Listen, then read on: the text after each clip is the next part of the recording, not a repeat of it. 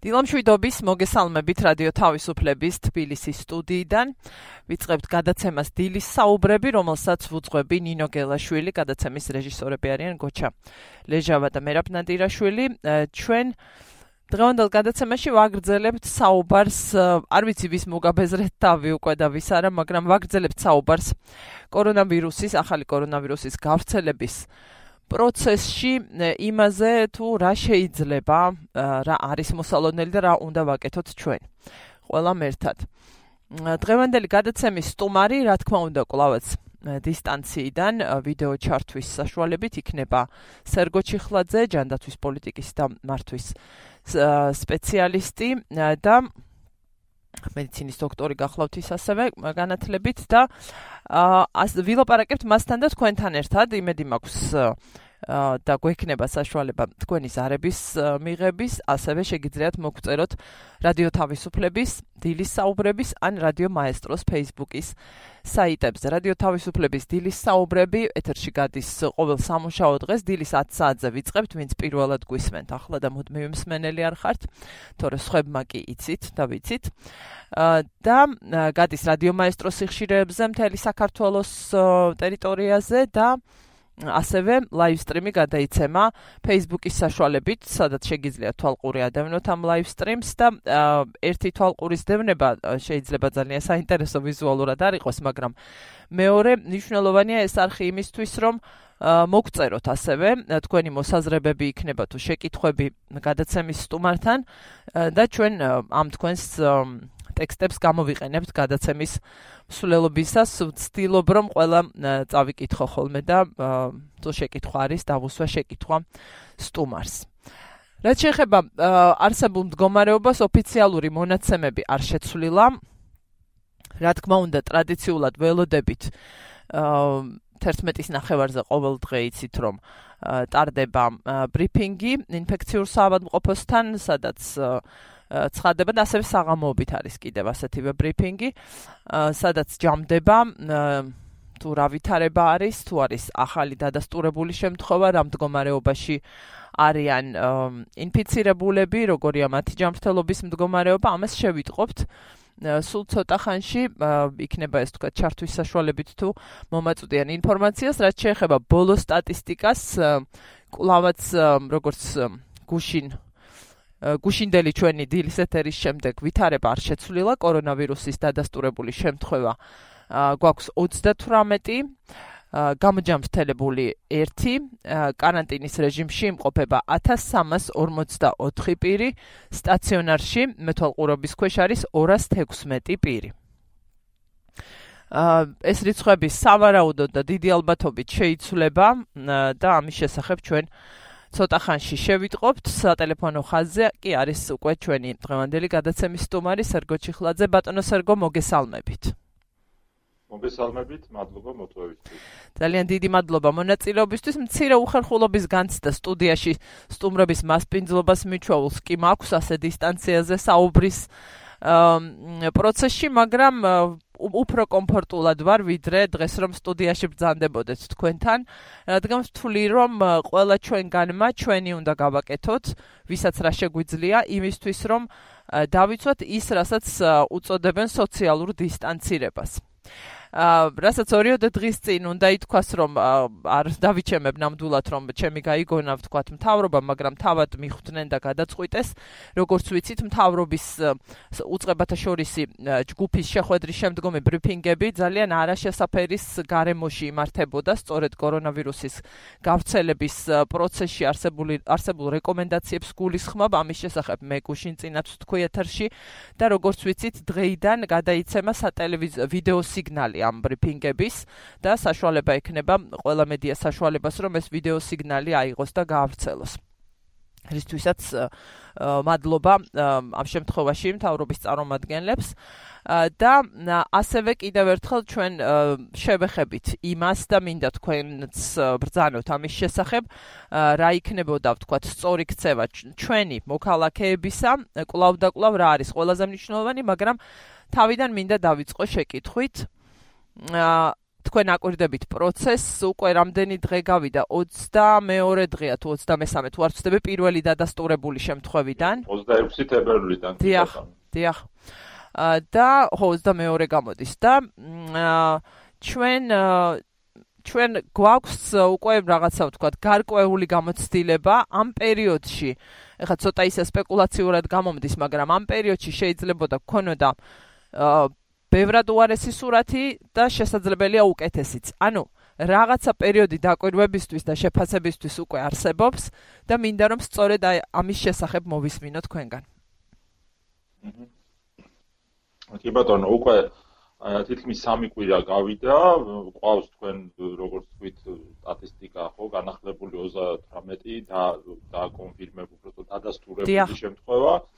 თუმცა არ მოვდუნდეთ, არ მოვეშვათ 38 შემთხვევა არ არის ბევრი, სამართავათაც ადვილია რა თქმა უნდა, თუმცა ჩვენ ვუშვებთ იმის დიდ ალბათობას, რომ რეალურად ქვეყანაში გასლებით მეტი არის ვირუსის ასე ვთქვათ მატარებელი, იმიტომ რომ ნუ ყოველას გამოვლენა, ვთქვათ ისეთი რაღაც მასიური ტესტირების და ასე შემდეგ გარეშე საკმაოდ ძნელია. ამიტომ ეს 38 ნუ სავარაუდოდ და დიდი albatoობით გაიზრდება უახლოეს დღეებში.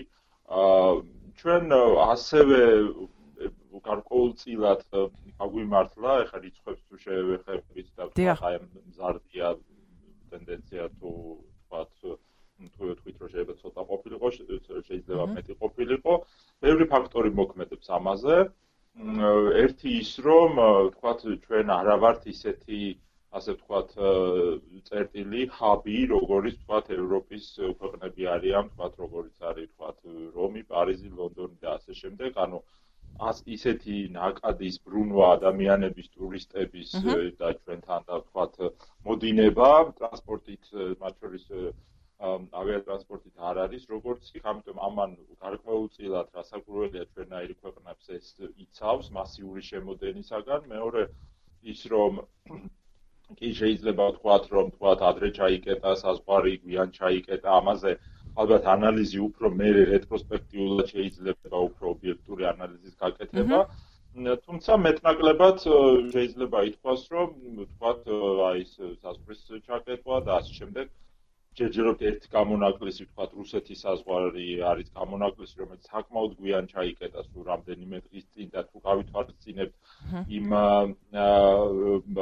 ასე ვთქვათ მონაცემებს ხმებს რომელიც რუსეთიდან მოდის რომ ის საკმაოდ არის გავრცელებული და რეალურ სტატისტიკას არ შეცაბამება ის სტატისტიკა რომელსაც რუსეთი დებს რა თქმა უნდა ეს საფრთხე არის და რა თქმა უნდა ამ ხრივ შეიძლება ბევრი შემთხვევა ასე ვთქვათ შემოპარულიყო ხო, ანუ ეს მდებარეობა გარკვეული თქვათ ხა ტურისტების ცხოვრების მოდინება, გასვლა ქვეყნიდან.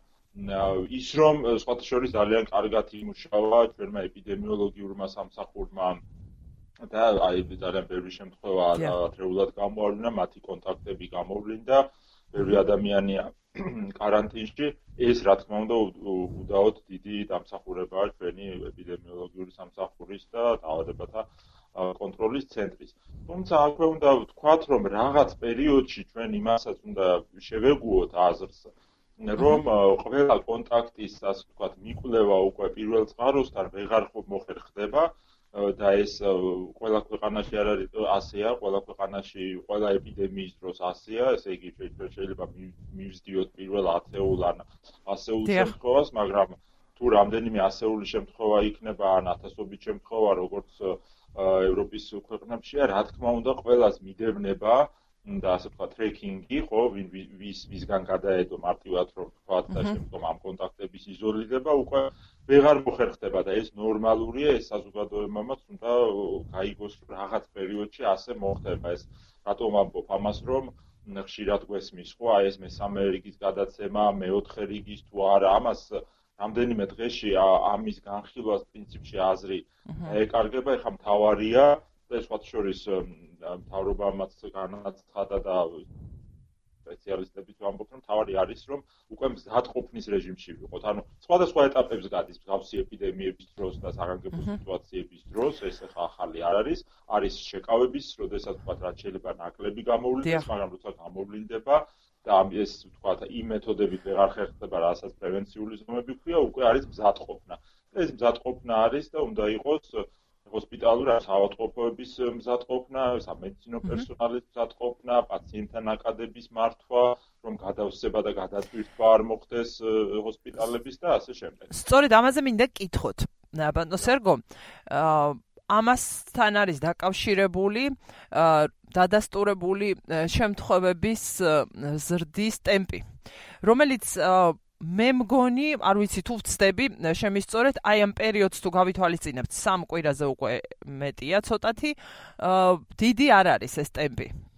და მნიშვნელოვანია, როგორც აღნიშნავენ, რაღაცნაირად რომ აი ეს ტემპი ამის ასე ვთქვათ, სიმცირე, სინელე, ასე ვთქვათ, გამოვლენის ასეთი შემთხვევების გავრცელების, მოდი ასე ვთქვათ, ტემპი არის ძალიან მნიშვნელოვანი, სწორედ იმისთვის, რომ გამკლავება შეძლოს ქვეყანამ, ქვეყნის სამედიცინო და არამხოლოდ სამედიცინო სისტემამ ამ ნაკადთან. თქვენი შეფასებით, მაინც შეიძლება ითქვას, რომ რა ვიცი, ბევრმა ფაქტორმა დაგვინდო? კი ბატონო, დავიწყებ იმით, იმით რომ ძალიან მნიშვნელოვანია და კარგია რომ ეს ტემპი არ არის მწარდი, თქვა და არის კარგი რამდენიმე შემთხვევა დღეში არ არის. ისევ და ისევ დადასტურებულზე ვამბობთ, რეალურად შეიძლება მეტი იყოს, მაგრამ ნუ რაც გვაქვს, არ დადასტურებულზე ვისაუბროთ. ხომ შეიძლება და ყოფილიყო ყოველდღიურად ათეული ან ასეული შემთხვევა ღმერთმა დაგვიფაროს, მაგრამ ასეთი სცენარიც შესაძლებელია. არ არის ეს ძალიან კარგი, იმიტომ რომ ყოველი გადავადებული დღე, გადავადებული საათი ეს არის მეტი შანსი ჩვენთვის, რომ უკეთესად უკეთესად მოემზადოთ, მეტი შანსი იმისა, რომ მარტივად რო ვთქვა, გარკვეულმა ტექნოლოგიებმა, ვთქვა, მოგვისწროს, ტესტებმა მოგვისწროს, თქო გამოცდილება იზრდება და ასე შემდეგ.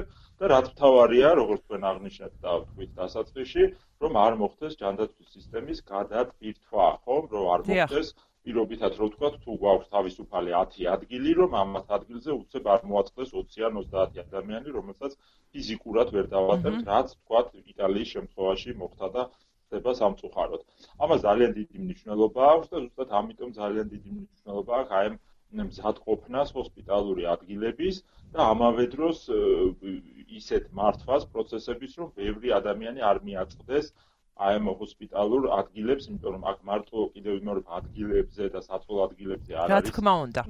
საუბარი, იმიტომ რომ საწოლი ადგილები შეიძლება იყოს, მაგრამ რასაც ქვია საწოლი ადგილი, მაგრამ ამ საწოლ ადგილს თუ სჭირდება სერვისი. იური ქართულების ხონე პაციენტი სჭირდება სერვისი, სჭირდება სპეციალური აღჭურვა, მოწყობილობები, აპარატი თუ საჭირო გახდა, მედი სამედიცინო პერსონალი არ დაგვავიწყდეს რაც თავარია, იმიტომ რომ ხო ინფექციური ინფექციონისტები საკმაოდ შეზღუდული რაოდენობით ყავდა ძალიან კარგი ინფექციონისტები ყავდა თუმცა თუ იქნება ათასობით შემთხვევები ისინი ვერაულენ ამას და საჭირო გახდება სხვა მომიჯნავე დარგის ასე ვთქვათ ექიმების გადამზადება, ასევე რეანიმატოლოგების.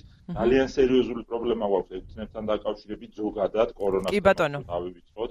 ერთ ექიმზე 0.7 დიექტანი მოდის და მით უმეტეს გაზრდილი ნაკადის პირობებში, მაშინ როდესაც მინიმუმ 1-4-ზე უნდა მოდიოდეს, გაზრდილი ნაკადის პირობებში ესეც პრობლემა გახდება. ამიტომ აი ამ ფაქტორების გათვალისწინება ძალიან დიდი მნიშვნელობა აქვს და ძალიან დიდი მნიშვნელობა აქვს ჩვენ ახლა რახან გადავდივართ და ვუშვებთ იმ შესაძლებლობას. ახლა იწება, სულ ახლა ეს გადამზადება ისე ხო?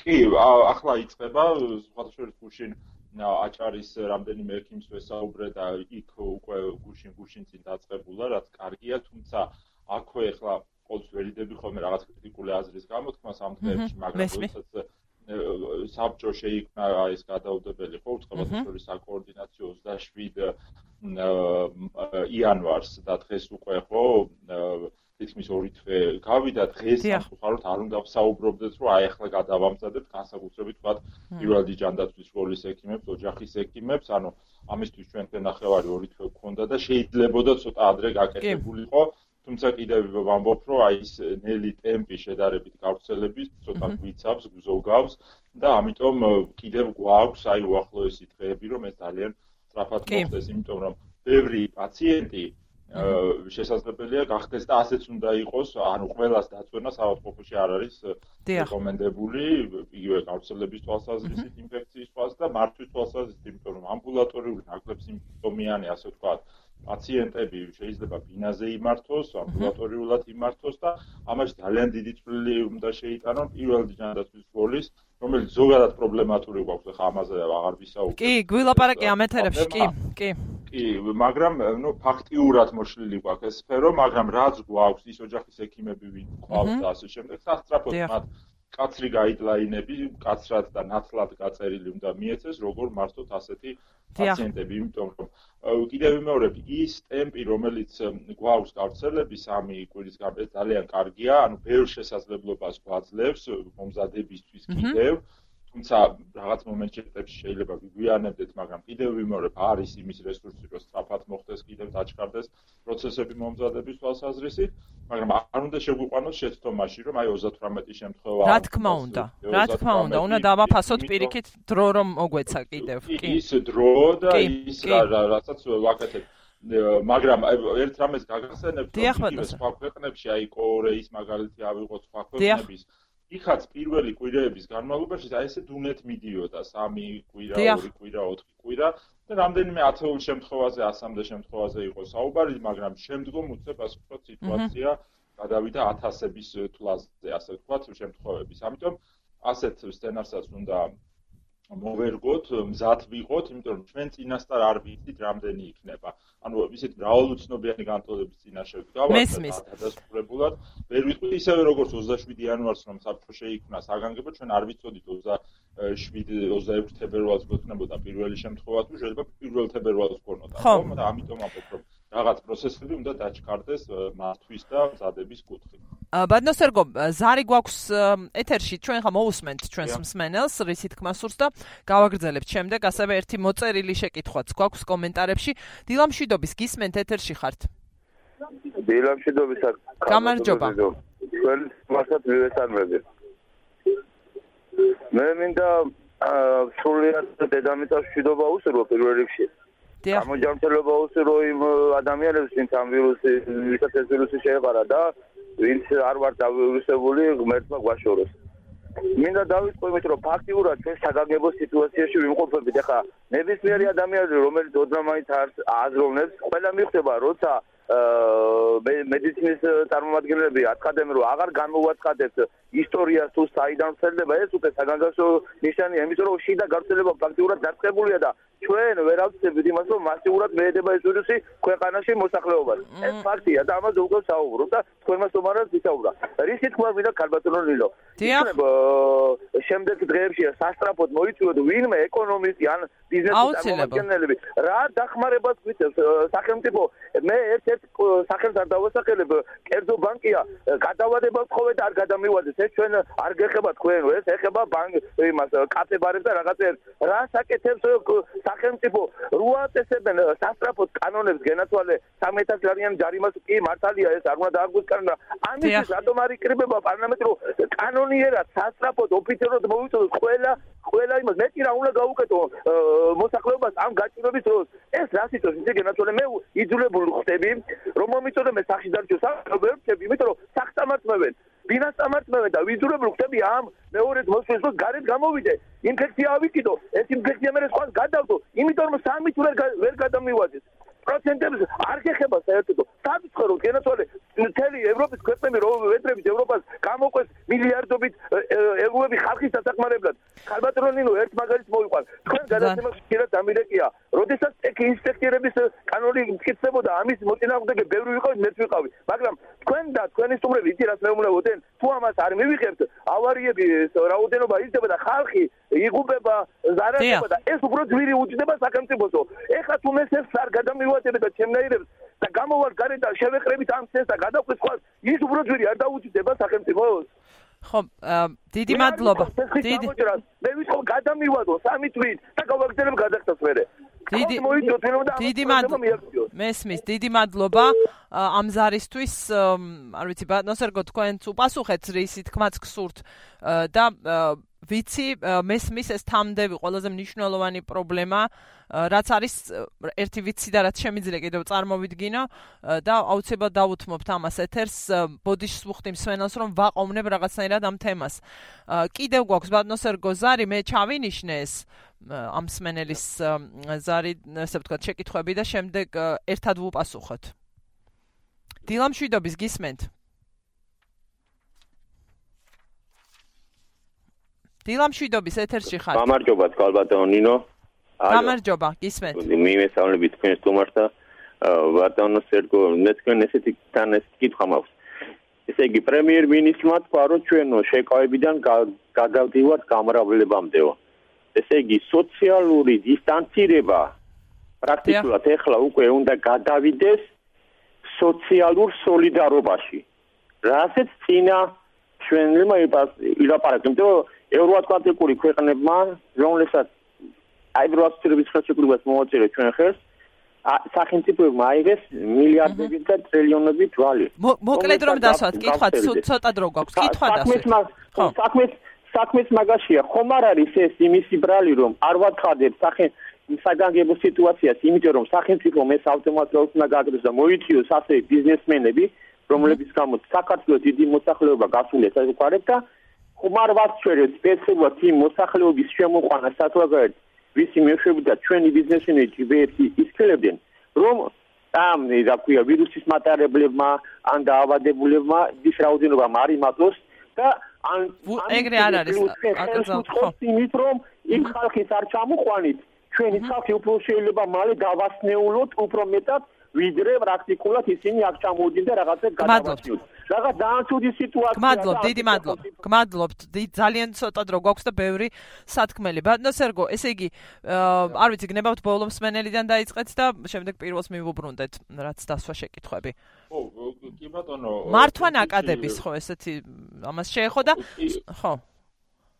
ხო, ნაკადების მართვა ძალიან დიდი მნიშვნელობა აქვს, იმიტომ რომ იგივე იტალიის მაგალითი რომ ავიღოთ, იქ რაც მოხდა და ძალიან დიდი წვლილი შეიტანა ზუსტად ეს იყო რომ ძალიან ბევრი ადამიანი ინფიცირებული პაციენტი დააწვა ჰოსპიტალურ სექტორს. ანუ ფაქტობრივად ორ ადგილზე მოდიოდა 3-4 დაწოლ ადგილზე და შესაძლებლობაზე ორჯერ მეტი ადამიანი და ეს ხდება ქვეყანაში არ დაგვაუწყდეს რომელიც ჩვენზე გაცილებით დიდარია ჩვენზე გაცილებით უკეთესი ჯანდაცვის სისტემა აქვს და ზუსტად ამიტომ ჩვენ გვმართებს ძალიან დიდი სიფრთხილე.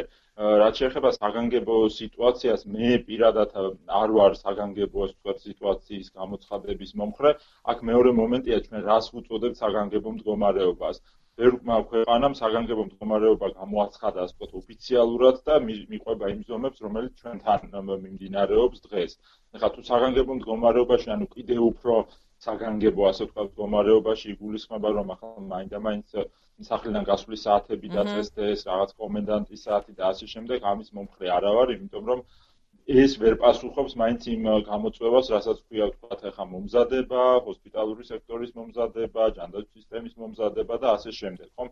თავარია ის ნაბიჯები გადაიდგას, რაც საჭიროა რომ ამ მზადყოფნის მზადყოფნა უქონდეს და ახლა რას დავარქმევთ ამას ეს მეორე საკითხია და ხა მაინდა-მაინც კომენდანტსაც და მესმის ხო. და რაღაცა ქვეყნის დახურვა. ეს სხვა რისკებთან არის დაკავშირებული ამაზე ხა აღარ გავაგზელებ ცოტა შორს წაგვიყვანს ამაზე და საუბარი. ეკონომიკას რაც შეეხება კი ეს ალბათ ეკონომისტები კიდევ უფრო უკეთად ნიტყვიან მაგრამ რა თქმა უნდა ერთ-ერთი ყველაზე ჯანდაცვის საფრთხეების გარდა და ჩვენი მოქალაქეების ჯანდაცვას და სიცოცხლეს რაც შეეხება ალბათ იმავე დონეზე დგას ის საფრთხეები, რომელიც ჩვენ გვაქვს უკვე და გვექნება ეკონომიკურ რეცესიასთან და კრიზისთან დაკავშირებით, იმიტომ რომ ჩვენ შეიძლება ეს გადავაგოროთ, სიტყვას ვიხმარ, მაგრამ ნუ ასე ვთქვათ, ძალიან ხალხოსნურად ეს ინფექცია შეიძლება ნაკლები დანაკარგი მივიღოთ, ვთქვათ, ჯანდაცვის მხრიდან, მაგრამ ის ეკონომიკური რეცესია და დაღმასვლა ჩვენ აუცილებლად დაგვარტყამს უახლოეს თვეებში და ნუ ამასაც ასე ვთქვათ შეგუებულები შეგუებულები ვართ. ასე რომ ეს ძალიან ისეთი თემაა და აი ამ ეს საკითხი ზოგადად ეს ვირუსული პანდემიები ეპიდემიები მხოლოდ ჯანდაცვას არ უკავშირდება და ბევრი შემადგენელი და მდგენელი აქვს მათ შორის აი ეს ეკონომიკური აუცილებლად და სახსენებია. ესე იგი და ასევე მსმენელმა ახსენა მეორე მსმენელმა სოციალური დისტანცირების კი არა სოციალური სოლიდარობის დრო ეს ორი ერთმანეთს არ გამორიცხავს და პირიქით ორივე აუცილებელია ერთდროულად. სხვადასხვა რამ არის ხო. დისტანცირება ანიშნავს აპათიას, ხო? გასაგებია და ზუსტად ის ღონისძიებები ვთქვათ, რომ ვთქვათ დარჩით სახში, რომ ჩვენ პასუხისმგებლობა გამო გამოვიჩინოთ, ხო? იმიტომ რომ ჩვენ ხშირად საუბრობთ მთავრობის პასუხისმგებლობაზე, რომელიც რასაკურელი უპირატესია და ვალდებულია, ხო? ასეთ სიტუაციებში ეფექტურად მართოს და კრიზისული სიტუაციები მართოს, მაგრამ ჩვენ საზოგადოებასაც გვაქვს პასუხისმგებლობა, ვალდებულებები და ეს აუცილებლად უნდა დავიწყოთ პასუხისმგებლად მივყვეთ რეკომენდაციებს. და მოვე სოციალური დისტანცირება ზუსტად ეს არის რომ თქვათ მოვერიდოთ ხავალ ადგილებს მოვერიდოთ თქვათ იმ სიტუაციებს რაც რამაც შეიძლება გავრცელების რისკი შექმნას და ნუ შესაბამისად პრობლემას ეფექტურად უნდა იმოქმედოს და თქვათ მაგალითად იგივე სოციალურ დისტანცირებაზე გამახსენდა როდესაც უშინ თქვათ მარშრუტკები ეგრეთ წოდებული აიგზალა იმ მიზეზით რომ თქვათ ახლო მჭიდრო ურთიერთობა აქვს ეგრეთ წოდებულ სამარშრუტო ტაქსებში ადამიანებს და მთელი დატვირთვა მაინც გადავიდა სხვა სახის ტრანსპორტზე. კი, და მაინც შეიქმნა ხალხმრავლობა, კი. კიდე უფრო სიმჭიდროვე შეიქმნა და ანუ მეტი რისკი შეიქმნა, ანუ აი ესეთი გაუაზრებელი ასე ვთქვათ, გაწყვეტილების მიღება არ შეიძლება, ეს რაც შეეხება სოციალურ დისტანცირებას. და სოციალური სოლიდარობა ამას არ გამორიცხავს, რა თქმა უნდა, ადამიანები ერთმანეთთან. ერთი და იგივე ამ შემთხვევაში. ხო, ხო. კი, და აუცილებლად ეს საჭიროა, თუმცა აქვე ერთ რამეს ვახსენებ, რომ როდესაც თქვა აი ძალიან ბევრი მოხალისეთა ჯგუფები ჩდება, თქვა იგივე სოციალურ ქსელში რა ძალიან მისასალმებელია, თუმცა ამასაც თალკე მართვა ჭირდება, იმიტომ რომ შეიძლება შეიძლება გაუთვიცნობიერებელმა ან შესაბამისი უნარების არ მქონე ან არაინფორმირებულმა მოხალისემ შეიძლება თქვა მეტი რისკი შექმნას, ვიდრე თქვა სარგებელი. ამიტომ უბრალოდ ესეც რო გავიხალისწინოთ, რომ აქაც გარკვეული სპეციალისტების ასე ვთქვათ კონსულტაცია გავიაროთ რომ რა სხვათა შორის ხო ამაზე იყო ამაზე იყო ესე ვთქვათ რეკომენდაცია კი არა ამისკენ გადაიდგა ნაბიჯი კოორდინაციისკენ ამ მოხალისეობრივი საქმიანობის როგორც ვიცი ბიზნეს ომბუდსმენს დაევალა ამის კოორდინაცია ამასობაში ბატონო სერგო, არ ვიცი იყო თუ არა, ჯერ ალბათ არ ყოფილა ბრიფინგი, მაგრამ შევხედე უბრალოდ გვერდს ავტომატურად სულ ვაახლებ ხოლმე სტოპკოვჯის, ვარეფრეშებ როგორც იტყვიან და ორით მოიმატა დადასტურებულმა შემთხვევამ ამ გვერდზე უკვე წერია 40. კი ბატონო, კი ინფექციური საათყოფის სამეცნიერო დირექტორმა ხალდორ მარნამ უკვე განაცხადა რომ სავარაუდოდ დიდი ალბათობით ეს ორი შემთხვევა დადასტურდებოდა. მაგრამ კიდევ და კიდევ ამბობ ნუ ორიც კი ორიც იქნება მეტიც იქნება ამიტომ ხა ამაზე არ უნდა კონცენტრირდეთ კი რა თქმა უნდა ეს მნიშვნელოვანია მაგრამ უფრო მზადყოფნაზე სამომავლო ნაბიჯებზე და ასევე ძალიან მნიშვნელოვანია ეს სხვა შორის ორი კვირა ამბობს მთავრობა და გუშინ დანდათ მინისტრი განაცხადა რომ ეგრეთ წოდებულ აგრესიულ ტესტირებაზე გადავალთ, ამიტომ ეს ტესტირების ხელმისაწვდომობა, გაფართოება და ცენტრალიზაცია აუცილებელია, რომ ჩვენ დროული გამოვლენა გქონდეს, ხო? იმიტომ რომ ის ერთეული და ათეული ტესტები რაც ახამდე კეთდება დღეში, ხო? შეიძლება რეალურ სურათს არ იძლეოდეს, არა ქვეყანაში არის ბევრი ლაბორატორია. ამაზე კითხავთ მე. ტექნოლოგია გააჩნია. კი კი. ეს ტესტები იყოს ამიტომ თავრობა უნდა იზრუნოს რომ თვითონაც შემოიტანოს და ასე ვთქვათ ამ ლაბორატორიებს კომერციულ სტრუქტურებსაც ბიუროკრატია რომ მოუხსნას რომ გადვილებული წესით შემოვიდეს ეს ტესტები. მithmetos რომ ამერიკის FBI ხო თავარი ორგანო რომელიც თვალშორის ძალიან რეკომენდაციების და ეს რეგულაციების მოყარულია ისიც კი ამბობს რომ ამის დრო არ არის რომ ეხა წინასწარი რაღაცა ისინი გავაკეთოთ რეგულაციები დათქმები და რაღაცა შემოიტანეთ რაც შეიძლება ბევრი ტესტი, ბევრი ადამიანი გატესტეთ. დიახ, რომ დროული გამოვლენა იყოს ის რაც პატშოლის გააკეთეს. ანუ ემხრობით ამას თქვენ ამ მასობრივ ტესტირებას. კი, მასობრივს არ დავარქმევდი, ახლა ეს არ ნიშნავს, რომ ყველა ვთქვათ, ვისაც არც სიმპტომი აქვს, არც რაღაცა და გავიქცეთ ტესტირება. ხო, მაგრამ ამის პრაქტიკაც ვნახეთ და იმიტომ გეკითხებით. კი, არა, ესეც ესეც ახლა თუ იმეს უნდა შეიძლება უნდა იყოს საშუალება, მაგრამ პირველ რიგში ვთქვა ახლა ალგორითმულად და პროტოკოლურად და თქვა სახელმწიფო რასაც უნდა მიაქციოს ყურადღება, ეს არის ეგრეთ წოდებული რისკ ჯგუფების, განსაკუთრებით პირველ რიგში ვთქვათ, მოხუცების, ქრონიკული დაავადების მქონე ადამიანები. აი ამაზე დაავადების მქონეზე მოგწერა, მოგწერა მაყურებელმა ჰიპერტონიკებისთვის რამე რეკომენდაციები თუ გაქვთ სპეციფიკური რაღაც განსაკუთრებულიო? არა სპეციფიური რეკომენდაციები არ არის, არ აქვს მნიშვნელობა ადამიანის ჰიპერტონული დაავადება, აქვს დიაბეტი, თქვა სიმსივნური დაავადება თუ ან სხვა რამე ქრონიკული დაავადება, ეს ადამიანები არიან მომატებული რისკის ქვეშ დაინფიცირების, უბრალოდ ინფექციის განვითარების შემთხვევაში მომატებული რისკის ქვეშ რომ გართულება განუვითარდეს, იმიტომ რომ ხო მარტივად რო ახსნათ ადამიანებს რომელსაც თამდევი დაავადება აქვს სხვა შორის ასაკზე არ არის ეს მარტო დამოკიდებული შეიძლება ახალგაზრდა ხო იცით მე კარგია ეს რომ თქვი ძალიან არ მომწონს ესეთი ძალიან ზეწოლა რომ რაღაც 60 და 70-ზე ცოტა დეპრესიას იწვევს. ხო ამასაკის ადამიანებს. სტატისტიკურად უბრალოდ როდესაც ვამბობთ ნუ არ ეხმარება ხო. ხო სტატისტიკურად რომ თქვა რომელ ასაკშია თქვა მეტი გართულება და სიკვდილიანობა მაგრამ ეს ნებისმიერ შეიძლება ნებისმიერ ასაკში თუ ადამიანს აქვს სამწლები დაავადება და მისი იმუნიტეტი შესაბამისად შესუსტებულია. მესმის, ხო? მარტივია, დაბალი აქვს ადამიანს იმუნიტეტი, ვირუსი უფრო მოერევა, ნებისმიერი ინფექციური დაავადება და ნუ აი ლოგიკა ეს არის. ხო, რაღაცა სპეციფიური რეკომენდაცია არ არის, ყველას ანუ ის რეკომენდაცია რომ თქვათ მოვერიდოთ ხალხავალ ადგილებს, დავიცვათ ის ტესტები. მესმის. წდება ხმა ცოტა. ხო. არის მის ხმა სამწუხაროდ.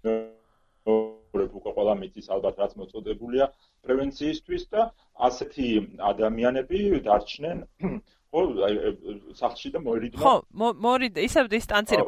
და აი გაწყდა რაღაც ეტაპზე.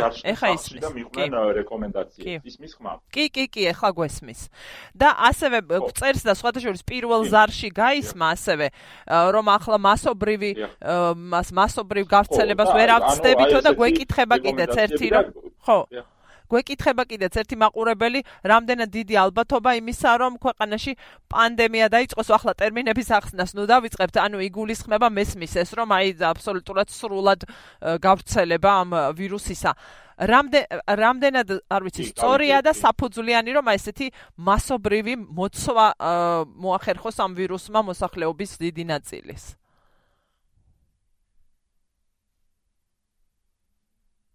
ხო, მესმის ადამიანის ვინც ეს დასვა, კი პანდემია, ეპიდემია ამის განმარტებებში აღარ შევალ. ხო, ცოტა დრო გვაქვს. არის, რასაც ყველა კონტინენტზე და ყველა ქვეყანაში გავრცელებული.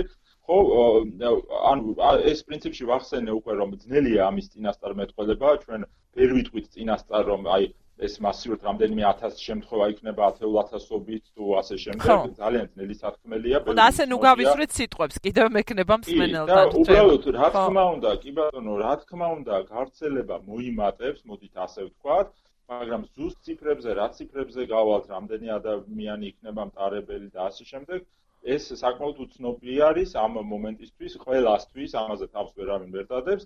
ერთადერთი ის არის რომ ჩვენ და ისიც გავითავისოთ რომ შეიძლება ბევრი ადამიანი იყოს მყარებელი უბრალოდ უსიმპტომო და ამ დროს გადამცემი იყოს ხვებისთვის, ამიტომ აი ეს უსიმპტომობა და ფიზიკურად პრაქტიკულად კარგად ყოფნა არ ნიშნავს რომ არ მოვერიდოთ სხვა, სხვა, ანუ აი აი მსმენელმა უბრალოდ ჩართვაში ერთ-ერთ მას ახსენა რომ აი ჩვენ ჯამრთელი ადამიანები არავინ არ ვიცით ვინ ვართ ასე ვთქვათ ამ მომენტში ხო წყალებში ჯამრთელი შეიძლება ვიყოთ ვირუსის მატარებელი და საშიშროებას გქონდეთ ირგვლივ ყოფებისთვის და ამ დროს ჩვენ თვითონ არანაირი სიმპტომი დაავადების არ გქონდეს. ამიტომ ნელი სათქმელია მოიმატებს როგორც ასეთი მტარებლობა მოიმატებს თვითონ გამოვლენილი შემთხვევები. ეს სწორედ მართოთ. ძალიან ბევრ ადამიანს თითქმის 70-80% შეიძლება უმკურნალოდ თქვათ ბინაზე ამბულატორიულად ყველას ჰოსპიტალში დაწვენა არ იქნება საჭირო მაგრამ ის რომ ეს გააკეთდეს კარგად დროულად ორგანიზებულად ძალიან დიდი მნიშვნელობა აქვს და სამედიცინო პერსონალის მომზადებას და უსაფრთხოებას ძალიან დიდი მნიშვნელობა აქვს რომ თვით ჩვენ სამედიცინო ასე ვთქვათ სამედიცინო მუშაკები და სამედიცინო პერსონალი თვითონ არ გახდეს დაინფიცირებულები ან ინფექციის ვთქვათ წყარო. და ბანდოსერგო კიდევ ზარი გვაქვს მოვისმინოთ აბა და ძალიან ცოტა დრო გვაქვს ვთხოვდით ჩვენს მსმენელს მოკლედ თუ შეიძლება დილამშვიდობის გისმენთ. ალო გამარჯობათ მოგესალმებით. ერთი რამინდა რომ თქოთ იცი მარტო ამ თავრობამ ბიზნესმენებს რომ გაითვალისწინა ამ შეჩერება.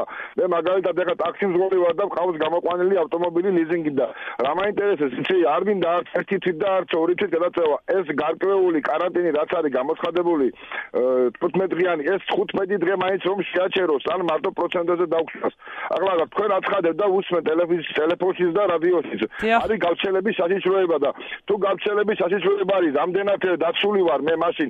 თუ ვერ ვიხდი პროცენტს და თუ მშიერი მოვკვდე თუ კორონას მოვკლივა რა მნიშვნელობა აქვს და თუ აცხადებენ კარანტინს და თუ აცხადებენ შეღავათებს ჩვენ სხვა ადამიანები ვართ არა?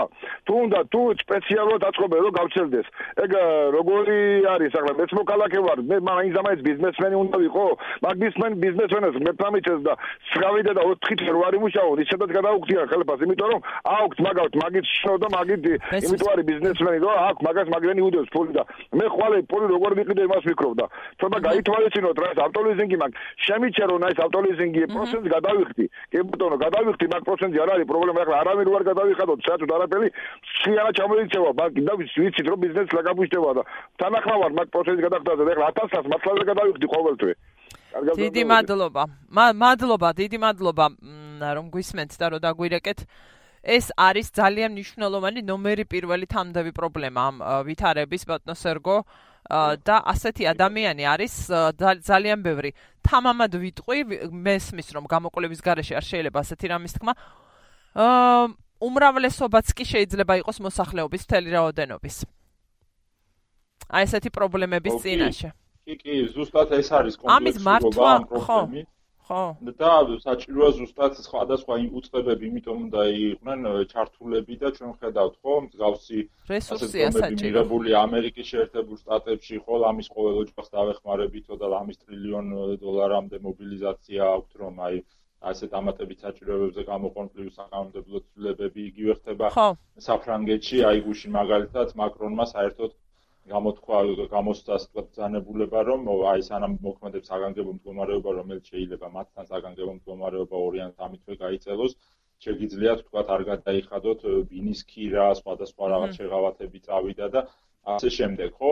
რაც ძალიან დიდი რა თქმა უნდა მნიშვნელოვანია თუმცა არ დაგვავიწყდეს ისიც რომ ასეთი შეღავათები ანუ ეს არ არის სადღაც დასაწყობებული ფული და შემდგომის ანუ სხვა სეგმენტში აუცილებლად შემდგომ ასე ვთქვათ დაარტყამს და დაგვარტყამს აი ეგერ წერს კიდეც ერთი ხო წერს კიდეც კომუნალურებზე არ უნდა გააკეთონ ისე როგორც სხვაგან არის შეღავათები კომუნალურებზე ევროპის ქვეყნებში არის ეს შეღავათები და ასე შემდეგ. შესაბამისად ეს ბევრი ფაქტორი ასათვალისწინებელია და ზუსტად ეს გულისხმობს თავრობის ეფექტურ მუშაობას და ეკონომიკური გუნის ეფექტურ მუშაობას და არა მხოლოდ ჯანდაცვის ჯანდაცვის სისტემის ხო იმიტომ რომ კომპლექსური პრობლემაა. კი ბანოსერგო ძალიან ცოტა დრო გრჩება კიდევ ერთი ჩართვა უნდა მოვასწრო და კიდე ზარი გვაქვს და ერთს ავიკითხავ კიდევ როიძახიან პირბადე და აი პირბადის საკითხი და როიძახიან დაავადებულებს უნდა ეკეთოსო და არა ჯამრთელსო და მიჩნდება კითხვა თუ ვერ იცავს პირბადე რატო უკეთიათ ექიმებსო ქირურგიული, იმიტომ ხქვია ამას, რომ ეხა ამის ახსნის დროც დიდად არ არის. ბძანეთ, აბა მაინც გავცეთ პასუხს. კი ბატონო, ექიმებს იმიტომ უკეთიათ, რომ ექიმებს პირდაპირ შემხებლობა აქვთ პაციენტებთან, ანუ ექიმი თუ ხარ და გიკეთია სტაციონარში, ანუ აპრიორი ხო იგულისხმება რომ პაციენტია და მით უმეტეს ინფექციური პაციენტი თუ არა, ასაკურველია პირველ რიგში და აჟუსტად ასეთ შემთხვევებში აქვს პირბადეს მნიშვნელობა რომ ეკეთოს პაციენტს რომ არ გამოაგავრცელოს და ეკეთოს მასთან პირდაპირ შემხებლობაში მყოფ ადამიანს ხო? ის რო ეხა ხშირად ხედავთ რომ ცარიელ ქუჩაში ადამიანი მოდის და პირბადე უკეთია ან საკუთარ მანქანაში მარტო ზის და პირბადე უკეთია, ამას არანაირი დაცულობა არ აქვს, ხო? ერთადერთი კი ბატონო თუ ხალხავალ ადგილას ძალიან მჭიდროდ ხო აი გუში რაც ვნახეთ მეტროებში, მაშინ აქ შეიძლება კი ბატონო გაიკეთოს ადამიანმა პირბადე, მაგრამ ისიც გარკვეული პერიოდი რომელიც შემდგომ და მოიხსნა და გადააგდო და არა მთელი დღე ატარო. პირბადების პრობლემა არის სამწუხაროდ და აი დღეს იწყებს იწყება წარმოება ადგილობრივი. ბანდასერგო ზარი გვაქვს ხომ კიდევ ერთი ხო და შემდეგ უნდა დაგემშვიდოთ ბევრი კითხვა დამრჩა კიდევ და ძალიან სულ სუმენანება დრო დილამშვიდობის გისმენთ ეთერში ხართ. გამარჯობა. გამარჯობა ნინო თქვენს თომასაც მინდა მიესალმო. გამარჯობა გისმენთ. აი ხო თქვენმა სტუმარმა უკვე მეორე დახსენა მარშრუტ სამარშრუტო ტაქსებში აკრძალვა და სწორია რა ესე იგი 20-25 კაცი შეიძლება შევიდეს დაждდეს მოთავსდეს იმ სამარშრუტოში და ავტობუსში ამ დროს სამჯერ მეტი ეტევა ადამიანი. ეგ არანაირი სორი არ არის, რა თქმა უნდა. კი ბატონო, ხო ამაზე ვთქვით და კიდე იქნება. ხო. დიახ, დიახ, მე მომწეს ვაუჩერი, შევედი ერთ აფთიაქში, GPS-ის აფთიაქში, გუშინ მომწეს სტამლები, ну, რა თქმა დიდი მადლობა ყველაფერი, ფიზბადები არ ქონათ. კი, ვიცი, არ არის არსად. არა, მეც ვერ ვიშოვნე. დიდი მადლობა. არ არის პანაცეა და ნუ დავიძაბებით. ხო. ერთი წამი რა. მე მინდა კესტომარს ვკითხო, იცით რა? აი მოკლედ, მოკლედ თუ შეუულია აგვიხსნას დაახლოებით არის სიმპტომები, ნიშნები. მე როგორ და გავიგო რომ ხვალ რა აი რაღაცა უკვე მაქვს კი ბატონო, კი ბატონო, ვთხოვთ აუცილებლად. დიდი მადლობა, დიდი მადლობა რომ გვიგებთ ხოლმე თან სიჩქარეშიც. ბანდოსერგო, აი ძალიან მოკლედ რომ აუხსნათ კიდევ ერთხელ ჩვენ კი ვამბობთ ხოლმე სულ ყოველ ჯერზე. სიმპტომები სპეციფიკური. კი, სიმპტომები სპეციფიკური, ანუ ესეთი ძალიან სპეციფიკური, რომელიც მას სხვა დაავადებისაგან, ან სხვა სხვა გრიპისაგან, ასე ვთქვათ, გრიპისაგან უბრალოდ გამოარჩევს. საკმაოდ ძნელია ეხლა ჩვეულებრივ ადამიანმა არასამედიცინო განათლების მქონემ რაღაც დიფერენციალური დიაგნოზი დასვას, თუმცა გავიმეორებ კიდევ ერთხელ ყველაზე ხშირი დამახასიათებელი ამ ვირუსის სიმპტომების არის ცხელება, ანუ სიცხის მომატება, რომელიც შეიძლება იყოს 37 ნახევარი, 38 უფრო მაღალი. მაგრამ როგორც წესი იწყება ესეთი სუფებრილური ტემპერატურით. ეს არის ხველა, მშრალი ხველა. ეს არის სუნთქვის უკმარისობის ნიშნები, ანუ ქოშინი, თითქოს ხერი არ ყოფნის. ეს არის ყველაზე ხშირი ნიშნები. ვირუს ამას შესაძლებელია ზოგიერთ შემთხვევაში ვთქვათ, იყოს ისეთ შეგრძნებები, როგორც არის დაღლილობა, ვთქვათ ხო კონტების ტკივილი სახსრების და ასე შემდეგ თუმცა ეს ნაკლება ეს უკვე გრიპისთვისაა დამახასიათებელი ვიდრე ამის მაგრამ შესაძლებელია იყოს.